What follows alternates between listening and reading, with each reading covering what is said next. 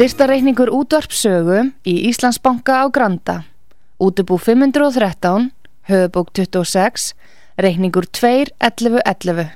Nánari upplýsingar á útvarpsaga.is. Takk fyrir stöðningin. Heimsmálinn í umsjón Pétur Gunnlaugssonar. Fréttir og fréttatengt efni af Erlendum Vettvangi.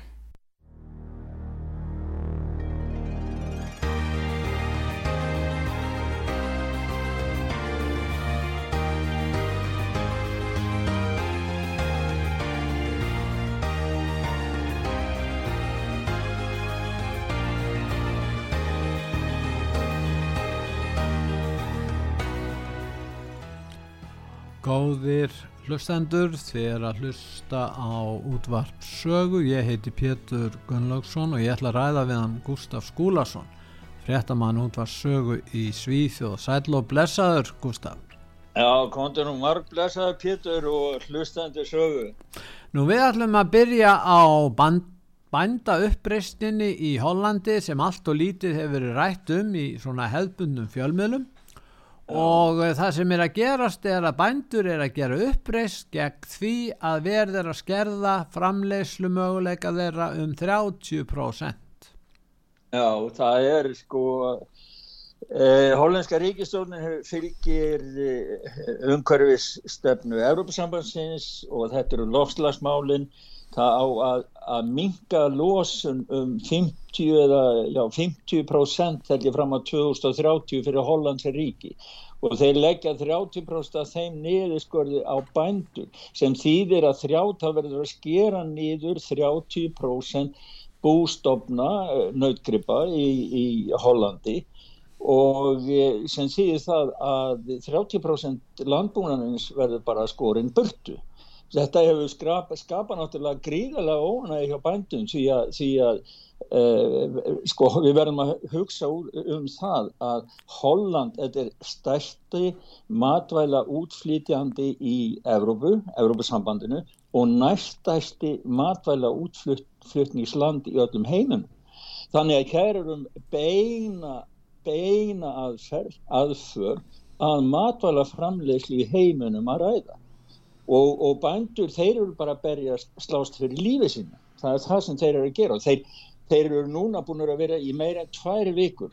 Og tvær vikur í, í baráttu þeir hafa keitt út, það var yfir 40.000 manns bændur sem fóru á stað með traktoruna, fóru út og þeir, þeir hafa lokað þjóðvegum þeir hafa, hafa hérna, lokað voru, mér fannst það tákgrænt það voru annarkvæmt 350 eða 400 traktora sem mynduðu orðin sem maður gæti séð frá himnum ofan hjálp engvi bændur sama sem engin matur. Á sama tíma þetta er að gerast Gustaf, þá er skortur á matvælum í heiminum og, og hérna þarna sjáum við greinilega annars vegar takast á uh, hérna uh, baróttumenn og hérna aktivistar uh, í lofslagsmálum og umhverjusvenda sinnar og hins vegar bændur og matvæla framleiðendur. Já, og það er sko, það, það er alveg reynd ótrúlegt. Það sænska sjónvarpi gafst upp eftir næstu tværi vikur og fyrstu daginn þá byrjuðu þeir að segja frá þessu e, e, næstu tværi vikur og þá hafa nú ansi margt e, skeð sko í, í, í Hollandi En ég áður með fyrir minni það, þá ætla ég að segja frá því sko að, að Gert Vilde sem er, er þingmaður á hollandska þinginu, hann afhjúpaði áætlun ríkistórnarverðunum nauðungar kaup á bújörnum Já. og það er bæ, já, bæði sagt, til þess að leggja um þessi land og líka til þess því, því að það, þeir sögðu í einhverjum brefum sem að hann afhjúpaði að þeir ætlu að reysa flottamannabúðir á, á jörðinni en það er náttúrulega meira bakið í en bara það. En hins vegar það sem að gerðis hefur gerst, hefur, þeir hafa gripið til sko, yfirvöld og lauruglan til óheirilegra og í engur hlutvelli við tilefni eða fríðsemleg mótmæli bænda, þá gripaðu til vopna og þeir skutu og það er orðið frækt út um allan heim, þeir skutu á 16 ára dreng uh, sem var að kæra traktorn í skilstaða verið þrýri traktornum eða dráttavillinni og hann tók stóran sveif fram hjá þeim. Hann sagði að þeir hefðu verið að farið inn á, inn á stað og fengið sér mat og, og, og, og drikk og síðan alltaf að halda áfram en þá var lauruglan búin að loka þannig að þeir tóku steira, stóran sveif framhjá en hins vegar þá ákærði lauruglan hann um það að alltaf reyna að drepa sig. En hann lýsir því og þetta er allt saman á heima síðu sögu. Hann sínir eh, sínir hérna eh, hvar kúlan fór inn á hliðin á bílnum í gegnum sagt, gluggapóstinn og ef það kúluna hefði geiga hann keitt hægar eða hraðar Eh, kúlunum geiga bara um, um eitt par sentimetra þá hefði hann ekki geta verið til frásagnar við erum með smá hljóðbútt Já, förum, hlustum á hljóðbútt um þetta aðrið Kijk, hier, deze gaat de voorspelen. Nee joh, hé, hey, wapens jongen, wapens. Hé, hey, Wallah, rij weg jongen, rij weg. Wapens is daar. Wat het gaat? Ja? Ja, dat zit hier. Kun je vingerhuis wel indrukken. Dat is een flink gat. Dat had niks hè? Ja, nou ja, hier ernaast, door het raam heen.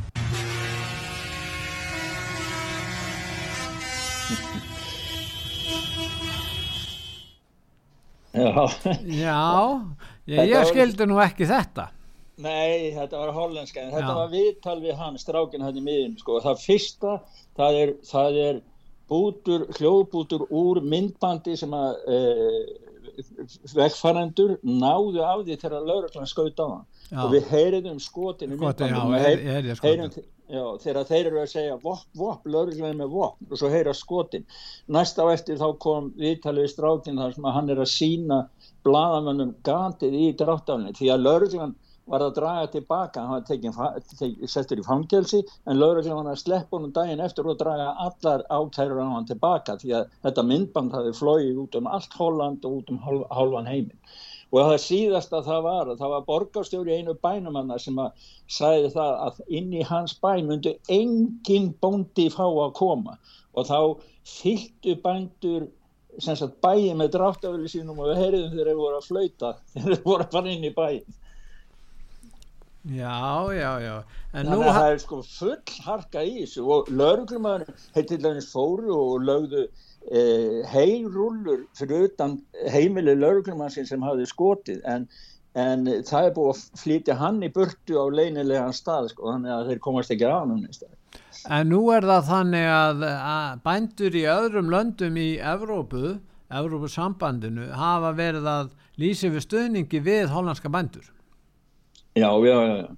Það er, það er sko í Pólandi þá fóru pólsku hérna, bandasamtökin út á götu og, og voru með kröfugöngu, það er myndband af því á, á, á heimasíðu sögu og á Ítalíu þá söfnuðust bændur saman á traktorum og sögust alltaf keira til Rómar, ég, Rómaborgar, ég veit nú ekki, ég hef ekki fylgst eða fengið meiri fréttir af því en það voru, er mynd af myndband þar sem að þeir eru að búa sig undir það að fara í svona frelsis dráttavélalest eða bændalest og síðan voru myndir, þeir fluttu sko að því það eru ekki jafn harðar lofslagskröfur í Þýskalandi eins og það er í, í Hollandi, þá fóru þeir yfir til Þýskaland og sögust vera búin að flytja landa með Hollands aðeins inn á Þýskaland svo þau getur notið þá aðeins lægri krafna heldur en eru gerðar í Hollandi. Og þá röðuðu þýski bændur upp dráttaviljum meðfram þjóðveinum og það, það er líka myndbönd og þessu heima segja sögu það sem að maður sér alveg það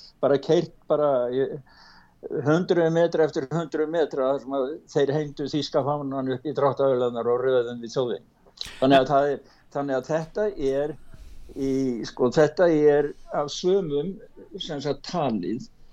Sko sama, sama stíl eins og gulvestunganir í Fraklandi og, og eh, svo margir aðri sem eru að berjast eins og, og frelsislestin í, í Kanada. Að, að, að, að núna eru það lendir þetta hollöskum bændum. En það sem við verðum að skilja átt okkur á það er hvað er ríkistjórnin Holland að gera og það er, það var hérna ástralskur uh, maður sem er á Sky News. Hann kom með myndband og hann afhjúpaði hvað eh, Mark Rutte, fórsættisráðherra Hollands er að vinna að. Og það er smá hljóðbútu með honum þar sem að hann er að skýra hvað er á baki þessu. Hann er ásamt World Economic Forum og Evropasambandinu og stjórnmálamæðin sem Mark Rutte, hann er fylgjandi þessu, hljóðbútu. Já, like to highlight a, a World Economic Forum initiative in this regard, the World Economic uh, Forum Food uh, Innovation Hubs. And these hubs in Africa, in Asia, in South America, and in Europe uh, will allow uh, businesses to connect regional stakeholders to skill innovations because this is key. Uh, skill innovations that can address food systems challenge, food systems challenges. And here, uh, I'm particularly proud to announce that the Netherlands will host the global coordinating secretariat of the World Economic Forum Food Innovation Hubs. já. Já, Sk- Skildir það þetta? já, já, hann er raun og veru uh, bendir á það að uh, hollenski, hollenska ríkið ætlar að vera í farabrotti varðandi þessar breytingar sem þeir eru að bóða á matvælastefnunni. Já, hann segir það og sko þetta komið svo langt og almenningur hefur ekkert fengið að vita, við, okkur hefur verið haldið í myrkru um hvað World Economic Forum er að gera. Hann lýsir því að Holland er miðstöð fyrir þessa breytingar í sambandi við matvæla keðjuna sem er verið að breyta út um allan heim. Þetta er virðist vera sem sagt alþjóðlegt eh, verkefni sem að, sem að World Economic Forum leiðir og hann er voðalega hrifin af því eins og hann sagði að að fengi að njóta þess tröst að fá að leiða þetta með, með sérstaklega miðstöð í, í Hollandi. Og það er nokkið víst að það ekki eru bændur sammála því. Þannig að það er Ég meina Þannig- hann uh, vísar í World Economic Forum uh, Mark Rutte alveg svo hérna kathólsku prestur myndi vísa í Vatikani sko. þetta, þetta, þetta er svolítið skrítið. Þetta, þetta er bara eh, þessi samtök World Economic Forum er í raun og veru svona, svona yfir þjóðli samtök sem þessi stjórnmálamenn eh, þetta er öflugt ríki Holland eitt með öflugri ríkjum í, í Evrópusambandinu. Og þeir lúta eh, forsjá og handleiðslu World Economic Forum í þessum efn Já, þetta var mjög góð samling, samlingin hjá þér með, með Vatikani því að þetta er svo ótrúlegt og þegar maður fyrir að kíkja á þessar kröfur, þeir sveifla sko hitanum og lofslagsmálunum sem einhverju bara vendi á allt fólk til að koma sínum markmiðum að sem er alls ekkit að, að, að, að venda lofslagið en eitt í jörðinu heldur það eru allt, allt önnu markmið sem benda til þess að þeir vilja ná stjórn á fæ, fæðu keðjunni allstæðir í heiminum. En fólkinu fjölgar, það verður að framlega meiri mat en ekki, min, ekki, ekki minna mat. Já, ma maður hefði nú haldið það þegar að það er hungursneið og saminuð þjóðnar uh, slá í, í, va- varnaða trómuna um það að, að, að það sé mikil hungursneið vantarleg núna. Að ákveður þá á sama tíma verið að skera nýður matvæla framleiðslu. Í landi eins og, sko það er bara verið að búa til. Það er bara verið, þetta er bara árás á li, bara grundvöld lífsins í frjálsulandi eins og Hollandi. En það, hverjir- vo, en það voru ekki, Gustaf, líðræðislega stjórnvöld sem taka þessa ákvörðun. Það eru nokkri stjórnmálamenn í tengslum með World Economic Forum og, og svo framkvæmda stjórnin í Evrópusambandinu. Þannig eru til að fáir einstaklingar sem eru ekki margir, flestir þeirra ekki líðræðislega kjörnir en varpa fram kenningu, tillögu og framkvæmana og verða fyrir anstöðu en láta ekki segjast. Já, og nota og beita síðan sko hörku eins og. Trud- Trudeau, Já. bæði Tru- Trudeau í Kanada og Rutte í Hollandi, þeir eru taldir sérstakir svona gulldrengir Klaus Schwab hjá World Economic Forum og svo var annað sem ég kom stað þegar ég var að kíkja á þessu mál að, að hérna Atlantic Council sem er svona hugmyndaveita í bandaríkjum með utarikistefnu, þeir eru með verðlaun, það sem er verðlauna alheimsborgaran á hverju ári og hver heldur að hafi fengið það núna? Ég held að það hafi verið í fyrra eða hvort það var í ári, ég veit ekki alveg. Já. Mark Rutte fekk það Já. og það myndaði þegar Klaus Schwab er að afhenda honum verðlunni alhens borgar. Þa, þa, þa, þannig að ég meina þetta, þetta er sko en hún segir að það var hérna Eva nokkur uh, ég held að hún sé nú hérna skal ég segja þér mann hún heitir eftirnafn Va, Va, Vardinger Brock Veldur. Eva Vardingebrokk, hún er með meistaragráði heimsbyggi og hún er aðgerra sinni í Hollandi. Hún var í viðtali hjá Carlson Já. og við ættum að heyra aðeins hvernig hún, hvernig hún lítur á málið.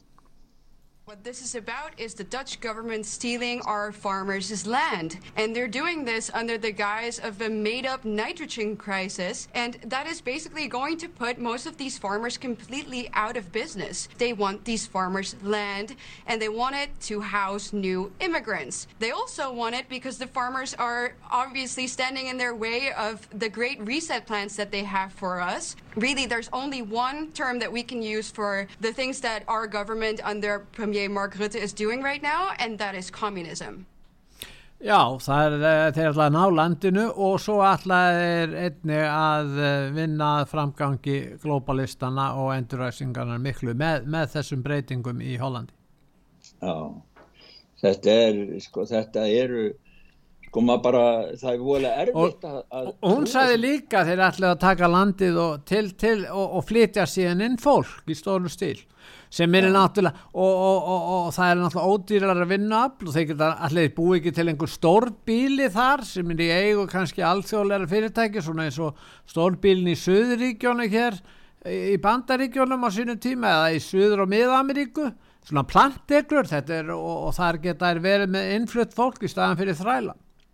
Já, þeir, já, þetta er, þeir, þeir sko, til dæmis á Sri Lanka, Já. þar sem að allt er komið í steik, Já. fólk er ekki til matur þar.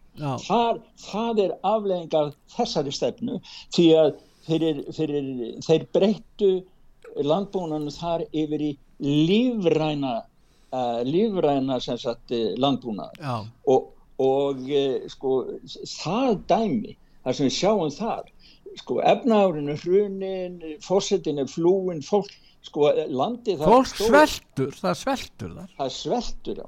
Þeir höfðu, sko fyr- bara fyrir nokkrum mánu síðan þá voru þeir útflutningsaðili á, á hrísgrónu meðal annars. Þeir eru selja, send, framlega te og gummi og landbúnaður um 2 miljónir bænda í, að, ég að segja 21 miljónir samtals á, e, e, í Sýranka, já. Já, í Sri Lanka sko. En, en í dag fyrir, fyrir sko í vor þá, þá byrjuði byrjaði að bænda uppreisinu þar. Og landi getur ekki, er ekki sjálfur sér næst lengur Nei. eftir að, að slóu yfir landbúnaðan, fylgdu þessari stefnu og slóu yfir í lífræna landbúnaðar sem er kallað. Þeir eru búin að fara í gegnum þetta prógram og það var einn bóndin sem sagði það í Þýskunar bóndin sagði það í viðtali í, í vor, hann sagði það já, ef þetta heldur svona áfram þá verður engin bóndi eftir í þessu landi segir hann Þeir sömdu Það- líka hjá Sri Lanka við kynverjana eh, í samgöng, samgöng áallun. já, já, Það er nú ekki talað um það, við getum talað um það setna.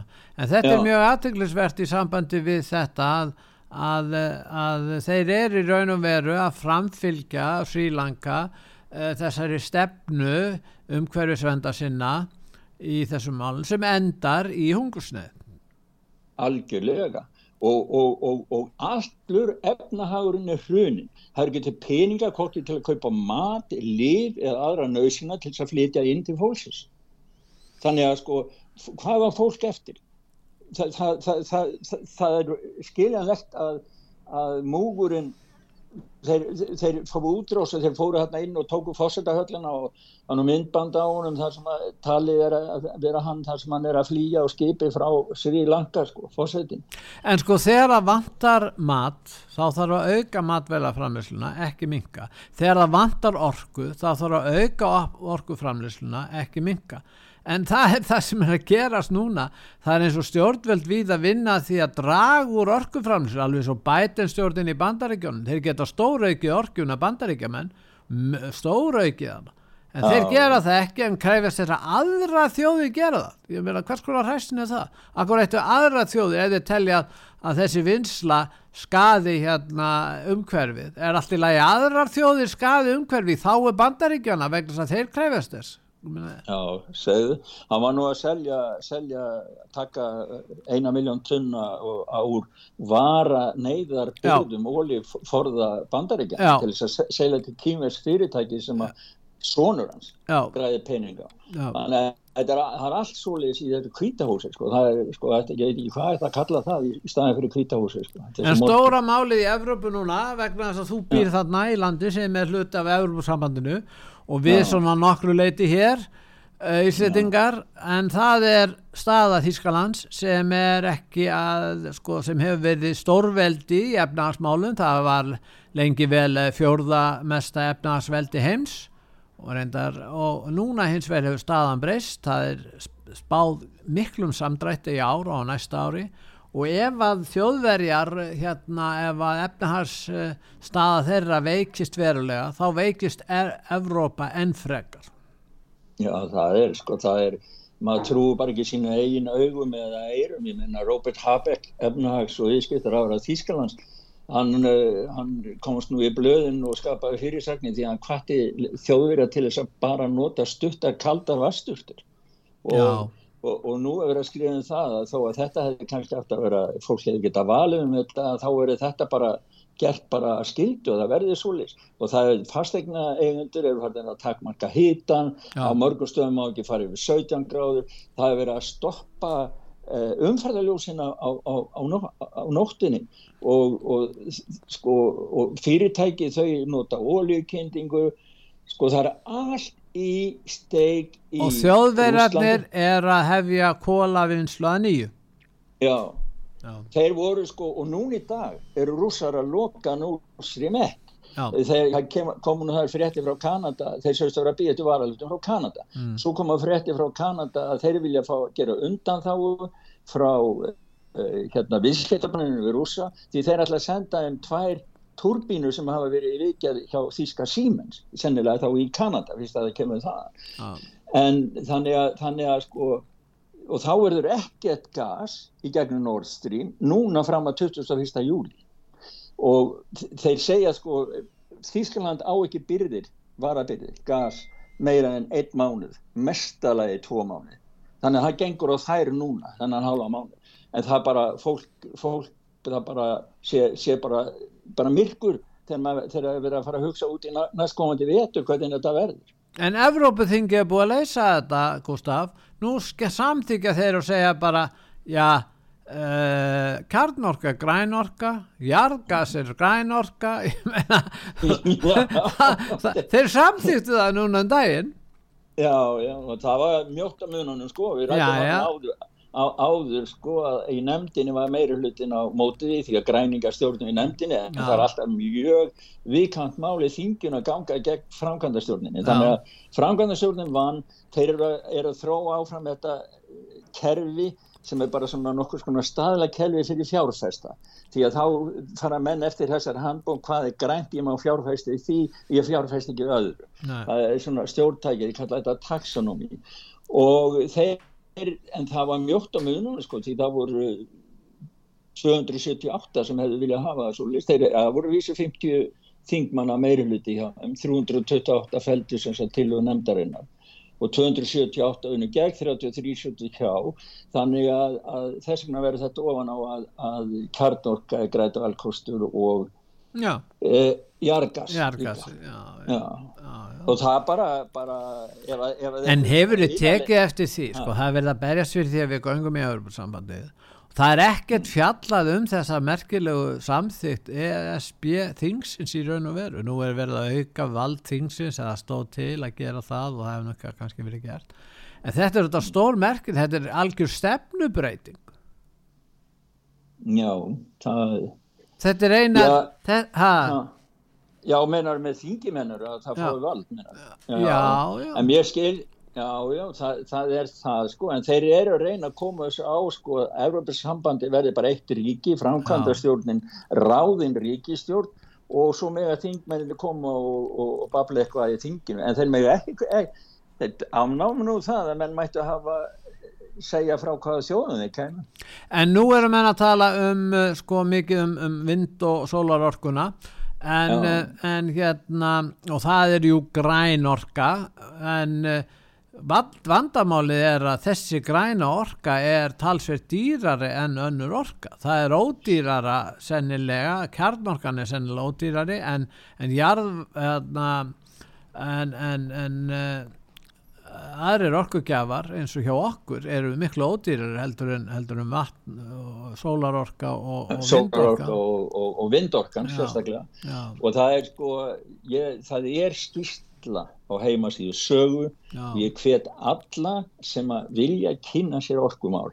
Og ég er í þessari umræðum hvað á að velja, ég veit að, að Guðluð Þór hann er að, að, að með einhverja nefnd eða eitthvað til þess að, að finna hvað það er opbóðslega gott að setja einhverja snældur upp á, upp á raun á Íslandi háfjall og annað. En í þessari skýrslu sem var byggt í vísindatímaröðinu Journal of Management and Sustainability og er gefin út af Canadian Center for Science and Education þá segja þeir að, sko, það, er, að, að það sé rámt að halda því fram að vind og sólarorka hafi- búi ekki til neitt koltísílinn eða, eða sagt svona losa ekki neinn svona kornunarefni því að þá er maður ekki að taka tillit til allra virðiskeðjunar til allra, allra framleiðslunar á öllum hlutum sem þarf til til þess að vindmila getur verið reist og byrja að snúast. Þá lítum maður bara á þegar hún stendur og snýst og það er rangt segja þeir.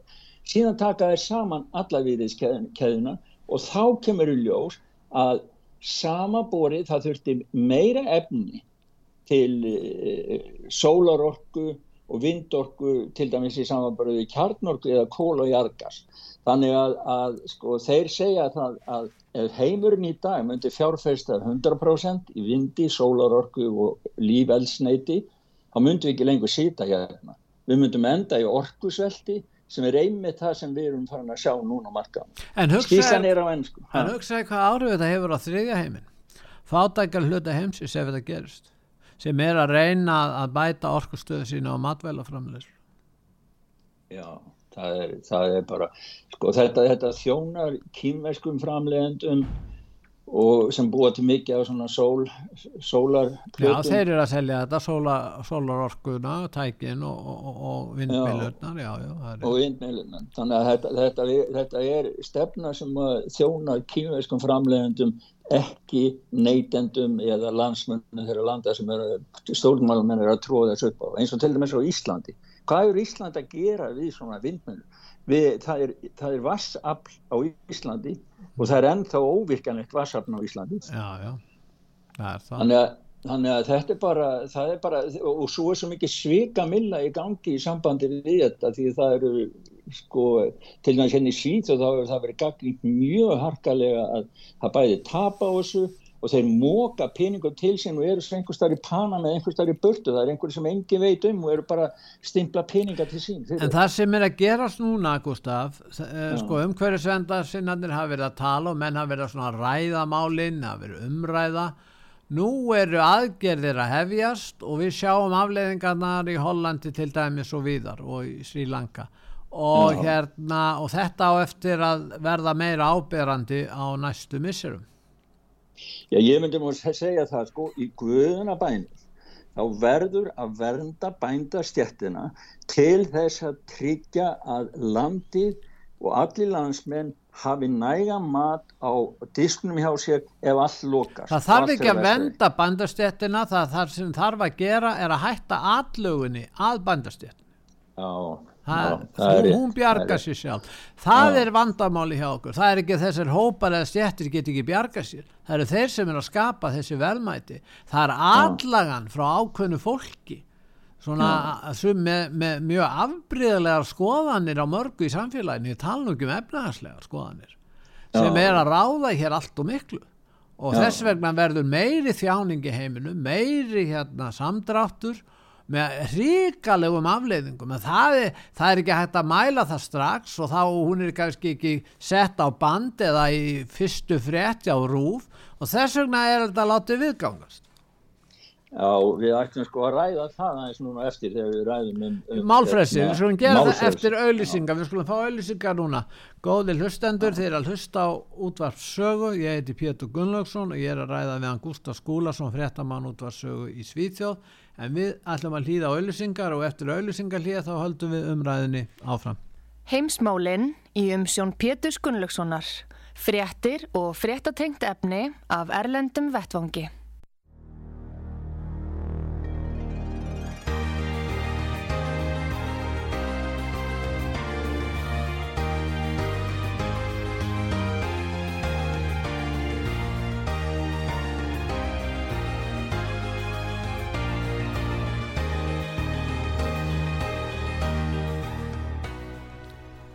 Góðir hlustendur, þið er að hlusta á útvarpsögu, ég heiti Pétur Gunnlaugsson og ég er að ræða við hann Gustaf Skúlason í Svíþjóð. Gustaf, nú förum að tala um málfrelsið og það er nú einn baróttumæður í Breitlandi fyrir málfrelsinu að vísu umdeildur af sömum vegna þess að hann hefur sérstakar sterkar skoðanir í innflytjandamálum, það heiti Tommy Robinson og mm. hann er að tala um hvernig þakkaði niður í fólki sem að, að hérna andæfir ofinberi umræðu af hálfu kervisins Já, hann er, er svona tákgrænt hann er nýbúin að gefa út uh, bók, skrifa bók sem heitir Silenced á ennsku eða, eða Þöggun. Með myndað sjálfum sér með, með teip yfir munnin. Já. og þessi bók hún rauk upp á skamum tíma á lista, vinsaldalista Amazon og var það einni, einni mest seldu bókinu þar en þá stoppuðu þeir og lókuðu á hann. Nó, no, býtu við var bóki bönnuð? Já, já, frá, hún var tekin af bókalista Amazon. Já, en, já, já, já þeir, þeir, hún, var, hún náði svo miklu vinsaldum að það er eitthvað, eitthvað þeir hafa fengið skipin einhverstað frá að vera ekki með Já, þetta er náttúrulega alveg ótrúld að þetta skulle geta átt sér stað. Já, en, á, en á heimasíðu sögu þá er sagt, hann er með linkur inn á heimasíðuna hjá honum þar sem hægt er að panta bókina og fyrir þá sem viljar Já, þá geta menn gert það. En hann er, við skulum hlusta á hann Tommy, Tony, Tommy Robinson uh. á hljóðbút hérna frá okkur Climate oh, change is more. It is. It's high church, isn't it? Isn't that their theology? This kind of Gaia. It's almost like a pagan religion. You can't go against the theology of the high church, can you, sir? I say you can't talk against whatever their whatever their narrative is, and whether whether that be climate change, whether it be um, transgenderism, whether it be Islam, whether it be open borders, whichever one you talk about, you will come under intense attack. Um, you will be silenced. Now it's gone to the vaccine. Anyone talking against the vaccine, everyone's under attack because you are getting in the way of the narrative that they are pushing, their agenda they are pushing, the plan. If you get in the way of it, you'll be crushed, you'll be silenced, you'll be attacked, you'll be slandered, you'll be demonized. Já, þetta er alltaf alveg rétt hjá Tommy Robinson, ég menna ef að menn ræða ákveðin málefni og hafa ákveðina skoðun á þeim málefnum sem að er ekki þoknanleg hennu ofinbera valdi, nú þá er hreinlega, þá er bókinn tekinur umferð, menn komast ekki að í fjölmiðla, það er eh, verið að kasta þeim út af samskiptammiðlum, þetta er það sem er eiga sér stað í nútímanum. Og eina sem menn gera núna er að tala um bókabrennur millistrísárana í Þískalandi ég held að menna þetta einblýna það sem er að gerast hér og nú Gustaf Já, einmitt sko. Mér finnst það nú, já hann segir það þetta var í viðtali við Steve Bannon í, í strísherberginu hans viðtalsherberginu hans. Og það sem að þeir voru að ræða þessu mál og og Tommy segir, Robinson segir það sko, hann segir það að ég var náttúrulega mest í, að gaggrina Íslam og þeir þaukuði mér og reynda að gera það. En hann segir það er bara ofinbæra frásögnin. Sá sem gengur gegn ofinbæra frásögnin hvort sem það eru lofslagsmál e, bóluefni e, trúabröð eða hvað sem er sem ekki fellur að frásögn globalistana þá eru menn bara teknir úr og, bara, og, og, og rýðskoðaðir og, og við getum til og með sé hvernig þetta gerist akkurat núna í sambandi við bandauppreysnina sem við rættum á þann Já.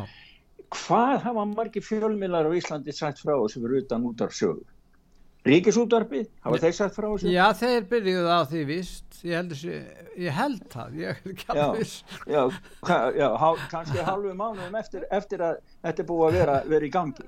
Uh, og að, aðri fjölmilar, ég menna ég, ég fann að líta á þannig að þeir sem eru bladamenn þeir eiga jú að segja sannleikan og koma með fréttir right? og þeir sem að vinna við fjölmila og segja störa bladamenn en þeia yfir sannleikunum þeir eru meðsikið þeim sem eru að fremja glæpin þeir eru meðsikið þeim sem eru að fremja glæpin og ef, við, ef að það er glæpur að ráðast á bændur eins og við erum að gera í Hollandi eins og búið er að útrým og ráðast á bændur á Sri Lanka. Ef að það er glæpur þá eru fjölmila sem þegja um þessi mál þáttekandur í að gera það auðveldara fyrir þá sem fremja glæpin að fremja. Og, og, mér, og ekki gleyma því Gustaf að þeir sem greina frá stríðsglæpum þeirra býður fangelsisvist upp á 175 ár ég er að vísi Julian Assange alluguna gegn honum. En já. Eh, já, já, þetta er nú bara eitthvað sem að leggur fyrir. Þetta, þetta er ótrúlegt að við skulum á árunni 2022 búa við rittskoðun uh, takmörkun og skerðing á tjáningafrelsi, árásir og uh, já og, og við getum talið þetta lengi upp. Og þetta heldur áfram og ef eitthvað er þá er þetta vesna það er til dæmis ítalska þingkonan sem, fyrir, hérna, sem eru á Európuþinginu hún er að tala um það að það megi ekki fjalla um átökin í Ukrænu hérna, og, og, og fjalla um, um russana og Ukrænumennina nema með ákveðnum hætti og hún kallar þetta hættulegt og ógveikjandi andlýðræðislegt ástand. Ég gerir á fyrir að hún fái nú uh, slæma umsagn, slæmar umsagnir hjá sér í, í ítölskum uh, uh, frálslindu vinstri blöðum, hvað heldur þú það? Já, það held ég alveg öruglega hún er ábyggla kölluð populisti, öfgasinni og rasisti og allt þar bara öllum þessum upp, nöfnum sem þeir hafa fundið upp og búið, orðin sem þeir hafa búið til bara til, sem, til að uppnefna aðra því að þá skortir röð.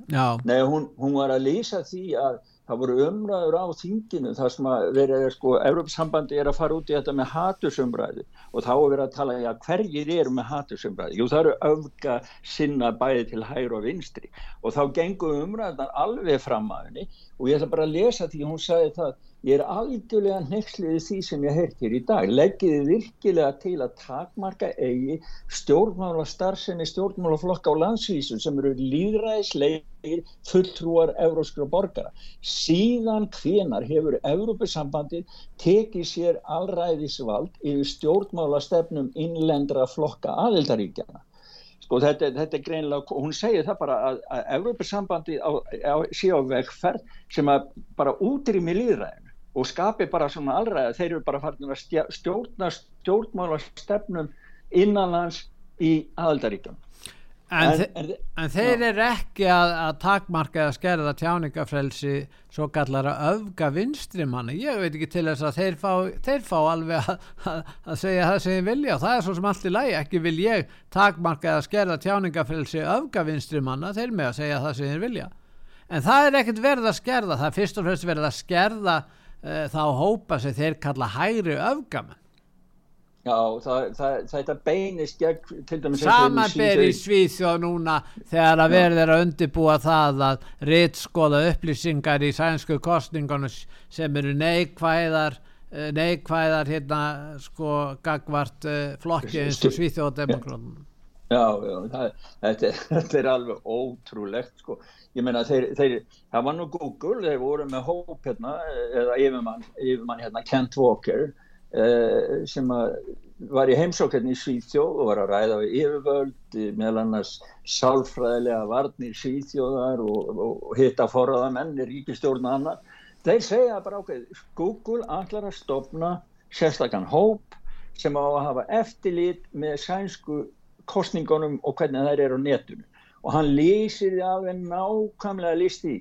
hvernig þeir alltaf að eigða vandraefni áður en þannig að dreifa sér sem að er vandraefni samkvæmt þeim hvernig þeir alltaf að stöða beint tilteki efni á bráðastígi og býða og síðan hvernig þeir alltaf nú að hjálpa eh, sko að því að það, það er ekki gott fyrir þá sem er að leita eða nota Google að fá upptalningu á list, lista með það sem þeir geta valið um sjálfi hvað þeir vilja fá upplýsingar um. Nei þá aðlaga upplýsingarnar og leitirna fyrir þá sem er að leita. Og þetta er fyrir sænsku kostingarna núna haust. Nú, Það var aðtæklusvert að hafa súla með texta þar sem að það var lagðið fram, fram sett fram svo skoðun að þetta fækka mannkynnu niður í hvað 500 miljónir og þetta er nú var sprengt í loft upp og það veit ekki hver gerði það. Nei, þetta er ég veit ekki, það er þessi mjög umdeldur minnisvarði sem var bara allt í unni viðist að koma upp. Ég, Hvað ég ár bara settur upp? 1900 og hvað? Já, það eru meirinn 20 ár síðan Já, já, ég, það er meirinn 20 Þetta er tölvöld langt síðan sko. En það, það er áonum eru rítu tíu bóður sem eru ekki bóður kristnina eða, eða, eða þau sem við fengum að læra. Nei og þetta er á átta ritað á, á, á átta tungumálum á fjórum sengurum í hlýðina og fjórum súlum sem að ná hátt upp í heiminum og, og fyrsta bóður er það þessu, það, þetta er allt inn á sögu En, en þessi minnisvarðan ekki kann, hvað var ekki restur í í suðaustu luta í suðaustu luta bandaríkjana já, já, já, já, já, jú, hann var, reist, hann var reistur á óþættum einstaklingi fyrir það var meirinn 20 ár síðan, það var 1980 80, já, 1980, já, já. já. það eru 40 ár síðan. Ég meina hann er þetta sko, og þe- þetta tengist sem sagt yfirtöku nýja heimsreglunar því, og enduræsingar mikla, sumi kalla þetta bóðar enduræsingar en að miklu aðri segir að þetta sé bara uh, sem sagt bóðorð fjand, fjandans og, og þú veist það er alls konar en þetta er eitthvað voðalega dulafullt En, en, en, En var ekki, var ekki, spre, var ekki, var sprengtur, uh, Súla var sprengt upp eða minnisvarðin að, mannavöldum, þetta fóst ekki í, í, í óveðri, neitt svoleiðis. Nei, nei, nei, nei, og það er myndband af sp- sprengingur sem náði, sko, Nú, á, á já, heimasíðu sögu. Já, já. En súlurna fjall ekki niður, hins vegar letu yfirvöld, sendu bara eh, gröfu á staðin og letu fella steinana því þeir óttuðust að ef að fólk færi, þarna það geti slasast þegar steinandi lenda á hann. Það er um þetta allt saman á heimasíðu sögu, bæði myndband og annað, sko. Nú uh, þetta sem er að gerast úr það í sambandi við COVID og það er svo litlar upplýsingar sem við fáum um þetta nýja afbreyði sem að hefur breyðist út núna með miklum hraða virðist vera og, og hérna verða að tala um þessi 100.000 sem smitast á dag í bandaríkjónum og mjög margir í Bretlandi, það er nú yfirlega alltaf bandaríkjun og brettar sem er Jú, að fá yfir á, og ég er með fréttur um 800.000 núna á einni viku í Fraklandi Já, já. og, og 600.000 á viku á Ítalíu Þetta er, alltaf, þessi- þetta er alltaf á Vesturland, þetta er Bretland, Bandaríkin og Evrópa. Ég meina það er langt besta útbreysla þar. Hvernig stendur á því? Og, já, og þeir tala um sko tvö afbreyð BA4 og BA5 Já, en það sem var, verið að segja frá þetta er búið að stopna samtök sem heitir í Þískalandi sem heitir Hippokratischer Eid eða Hippokrata, Eidur Hippokratis sem er lækna já. já, samtök lækna sem að fylgjast með þeir sendu sko Pál Erlich stofnunni sem að og heilbreyðisráður Þískland Karl Lauterbach og Þíska stjórnin nota til þess að sapna saman upplýsingum og byrta og e, þeir sko komast að því þeir eru báru saman tryggingagögn frá, frá tryggingastofnun í, í hérna, Þískalandi að það var tíu svona fleiri e, aukaverkanir og fólk sem hefði dáið af völdum bólefna og bólusetningar heldur en yfirvöld gáðu upp og núna hafa sem sagt þeir kært og krefist þess kært ríkisstjórnuna og krefist þess að það verði hægt að nota þetta bólefni í Þísklandi þannig að þetta er sko, það er alltaf að koma ykkur svona upplýsingar finnst mér frá Þísklandi þannig að yfirvöld þar viljast alls ekki vera með hreina skjöld og meðvitað reyna að draga úr upplýsingum um áhrifin af, af bólu, bólu aukaverkunum Já, en nú komstu þetta með fréttum að barsfæðingum fækkar um 14% í Stokkólmi. Vita menn að hverju það er? Eh, já, þeir, sá sem kom með þessar upplýsingar, hann hérna, hann hérna sagði það að tíminn fjalli saman við þegar að byrja að, að þegar bólusetningaherfinin var sendið í gang. Og það er ekki bara nómið, sko, það eru 14, og, þeir bara standa hérna bara og, og glápa á ástandið. 14%, 14 Það er í Stokkólmi, hátt, 10 10% í Svíþjóð Já. og núna er að koma fréttur um það að saminuðu þjóðunar hafi skrifað nýður á sko áætlunum um fólksfjölgun í heiminum fram á árinu 2100 um 500 miljónum manns sem sagt að það verði jarðabúa verði 10,4 miljardar árið 2100 í staðin fyrir 10,9 miljardar sem þeir voru með áður í, í áætlun sinni Já, já, já, já. Þannig að það er eins og sko, þannig að, þannig að þetta sem er að skeða núna hérna í Svíþjóð, þetta er líka svona í öðru landum. Bara, bara hef ekki náði, það er mikil vinna að fá, fá upplýsingar um þetta. Og síðan er það nú ymsir sem er að koma með nýjar skoðanir um það hvaðan veiran kom og nú er því haldið fram að, hún hafi komið frá bandarískri líftæknistofu. Það er eh, bandarísku prófessor sem heldur þessu fram. Ef að heyri í honum, hann heitir Jeffrey. Já, heyrum á þessu. I'll add one provocative statement. We could take it up later. It may shock you or not. I'm pretty convinced it came out of uh, U.S. lab biotechnology, just to mention after two years of intensive work on this. So it's a blunder of biotech. There's enough evidence that it should be looked into, and it's not being investigated. Not in the United States, not anywhere. And I think for real reasons that they don't want to look underneath the, uh, the rug. Já, hann segir að sé ekki verið að rannsaka það hvaðan veiran koma, hann telur að þetta sé frá biotek, þetta sé frá bandarísku líftækni stofu. Þetta er nú, já, hann er bandarísku sjálfur þessi profesor.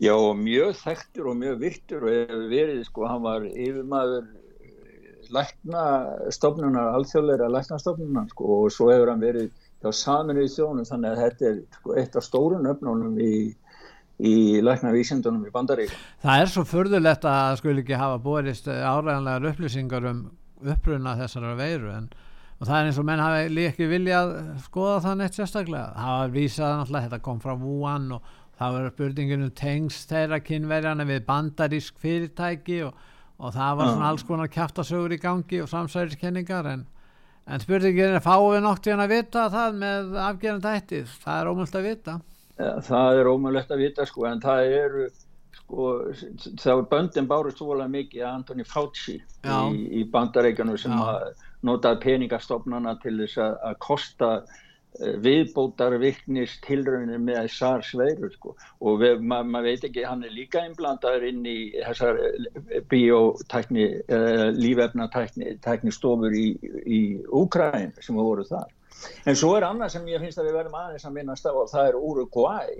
Þar er, þar er hart barist um, um hérna því að þar setti dómarinn okkur, hann uh, setti lögban á að það mætti bólusetja börn innan 13 ára aldri þar til að yfirvöld kæmi með samningin við Pfizer og leiði hann að borði.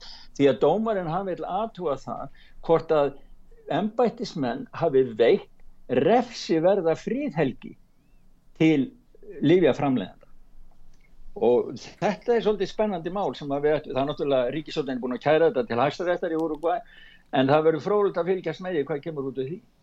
Já, nú uh, það sem er að gerast í Evrópu, það er auðvitað stríð í Ukrænu heldur áfram og NATO heldur áfram að herrvæðast líka og östur í östurhlutanum og og hérna auka viðbúna sinn þar, nú Pútin virðist vera mjög herskár, hann segir að þetta sé rétt að hefjast núna stríðið og ég veit ekki hvað hann áfum með því. Og, og síðan er, er rússar að hóta litáen því að þeir stöðuðu þarna landflutninga rússa yfir litáen til Kalingrad er, þetta heldur áfram og rússar virðast að hafa styrst stöðu sína í, þessari, í þessu stríði síðustu svona vikur og daga hvað segir þú það? Já, já, það er stríðið hefur náttúrulega valdið gríðarlega miklum þrýstingi og stjórnmálumenn og miklum klopningi já. og annað og meðal annars Kaja Kallas fórsett að vera Eistland sem fór tímabundi stjórnið þar fjall en það var nú út af því að hún ætlaði að koma því á að það er bannað að kenna rúsnesku í skólanum og það já. Vil, já, en það vildi ekki samstarflokkurinn en að miðflokkurinn en núna er þannig að hún vekur ennbætið fórsættisraðara og þá koma tilkynningum nýja stjórn núna setna í þessum mánuð því hún er vist búin að ná samningi Þetta er það sem þeir gerði í Úkrænu þeir alltaf að banna rúsnesku í östurlutanum og í, Úkrænu af hverju að fara þessa leið? Ekki, er ekki allt í lægi að fólk kunni fleiri en eitt tungumál, meina fleiri en tvö, eitt eða tvö, Það eru 25% eislendingar eru rúsar já, já, og það er yfir 300.000 manns. Þannig að, að, að þetta er náttúrulega sko, það það, þetta er stórt mál þar. Og, en svo sko já og í sambandi við þetta með, með litáen þeir vilja sko ég held og, og margir því að þá komum fréttur um það að það ætti nú að laga þetta eitthvað þannig að það kæm ekki til átaka við rússa. En mér skilst að, að, að litáen sé bara bæta við og, og, og, stoppa ennþá meira. Þannig að það, það virðist vera bara að vera augra rúsum að og ef að þeir fara inn og opna glugga á milli Kaliningrad og Rúslands til þess að flytta vörur á milli með hervaldi þá eru þeir verða þeir að ráðast á NATO-ríki því að bæði Litáun og Póland sitkur megin við eru NATO-ríki Já, þeir verði einhvern veginn að draga úr spennunni þarna á svæðunni það er nógu nú samt fyrir Já, það en það er ágreiningur innan Evrópu, bæði varðandi en, en það er þó eitt aðteglisvert að bæði MI5 og bandaríska hérna, alríkislörgland helur að kýmverski kommunistaflokkurinn sé alvarlegast á ógnuninn við öryggi heimsmála, ekki rúsandi. Já, mér fannst það vakti aðtegli mína vegna þess að sko í þessu stefnusgrá, nýju stefnusgrá NATO þá eru Rúsland algjörlega skilgarniti nummer eitt sem hættilegast ógnum við fríði heiminn. En núna koma þeir, bæði FBI og, og M15 landa í, í, í Breitlandi með aðra skilgreiningu mm. að það séu kymverja. Þannig að það er, verðist ekki verið alveg, já. Já, það er náttúrulega, sko, já, þannig að Kína ja. er svo upp, sko, Kína framleiðir sennilega svona 8-9 sunnum meira framleiðslu geta kymverja heldur en, heldur en rússatir gera. Þannig að Rúsland, Kína er náttúrulega miklu, miklu öflugra efnahagsveldi heldur en, heldur en Rúsland. Þannig að, að það verðum að tala um í raun og veru. Og það er aðteglisvert að kynverðarnir er búin að ná samstöðu samski, auka samskipti sínu í mis múslimarík eins og Pakistan, Indonésiu Íran. Og þeir heldur samilar herafinga með Pakistan menn. ég veit ekki hvað er að gerast alltaf og það er alltaf einkennlegt vegna þess að kynverðir er nú ekki þekktu fyrir að koma vel fram við, við múslima í innan innan hérna Kína Já, einmitt sko, Úrugvæðina.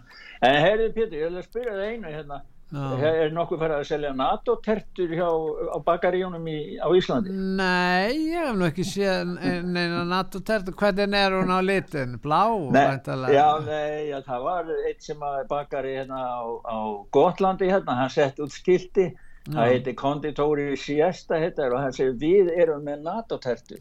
Þegar það hægt að panta hana hjá okkur já. en þá að sækja hann á domstegi og svo bara mynda kjarnókursprengju bara eldsúlu. Já, já já, ég hef ekki fengið fengið mér bita af, af NATO-tertunni en eh, eigum ekki bara að vona það í lókin við verðum að fara að ljúka svo við ætlum að hlusta á eitt lag með honni hérna Pats, Mats Pólsson sem mælti, mælti með því. En eigum ekki að bara vona núna að þeir ná einhverju friðar samningi að það verði minnst úr sig gerð eh, heiðaleg tilrönd til þess að reyna að ná einhverju hérna einhverju lendingu í, þessu, í, í friðaviðröðum þeir farið minnst að tala saman þeir tala ekki saman núna Nei, verður maður ekki bara að segja svo lengi sem er líð þá til von já, og já. svo lengi sem er til von þá til líð. Já, þarna úkrænumenn er að missa mörg þú, það eru mörg, mörg þúsund herrmenn að falla í hverju mánuði. Þetta er alveg, þetta er alveg skjálfilegt. Ræðilegt, ræðilegt, eins og úkrænumenn og ég reynar á það við Östur-Evrópu alla, líka rúsana og pólveri og fleiri þeir eru búin að þjást alveg nóg af hverju óskubónum heldur þetta alltaf áfram þetta fyrir austan? Hvað hva, hva, hvað er þetta eiginlega?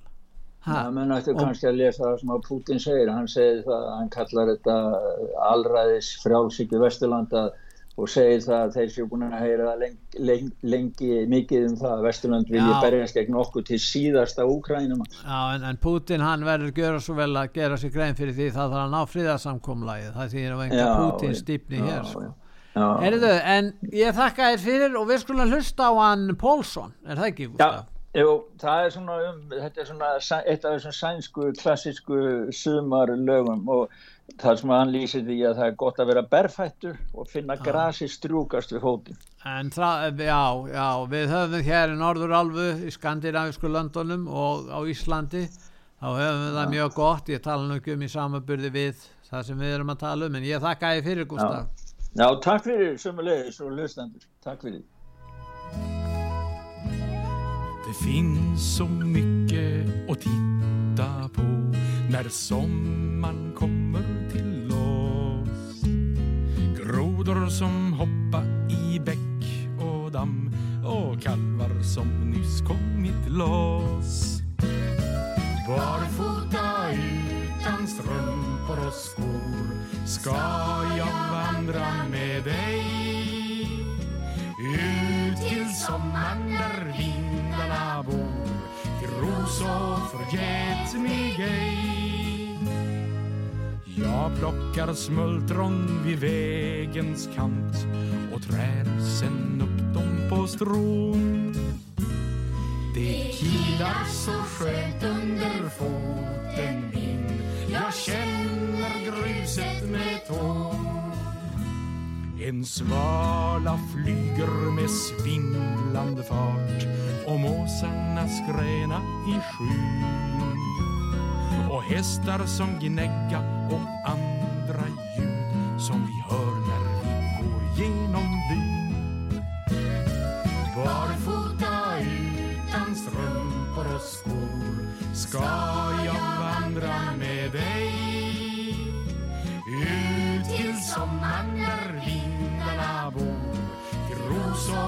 get me gay. Jag plockar smultron vid vägens kant och trär sen upp dem på strån Det kilar så skönt under foten min. Jag känner gruset med tån ett rådjur står där vid skon ser oss när vi går förbi. Ja, sommaren har mycket mera att ge åt din och min fantasi. Barfota utan strumpor och skor ska jag vandra med dig. Ut till sommaren när vindarna vår till ros och förget jag plockar smultron vid vägens kant och trär sen upp dem på strån. Det killar så skönt under foten min. Jag känner gruset med tår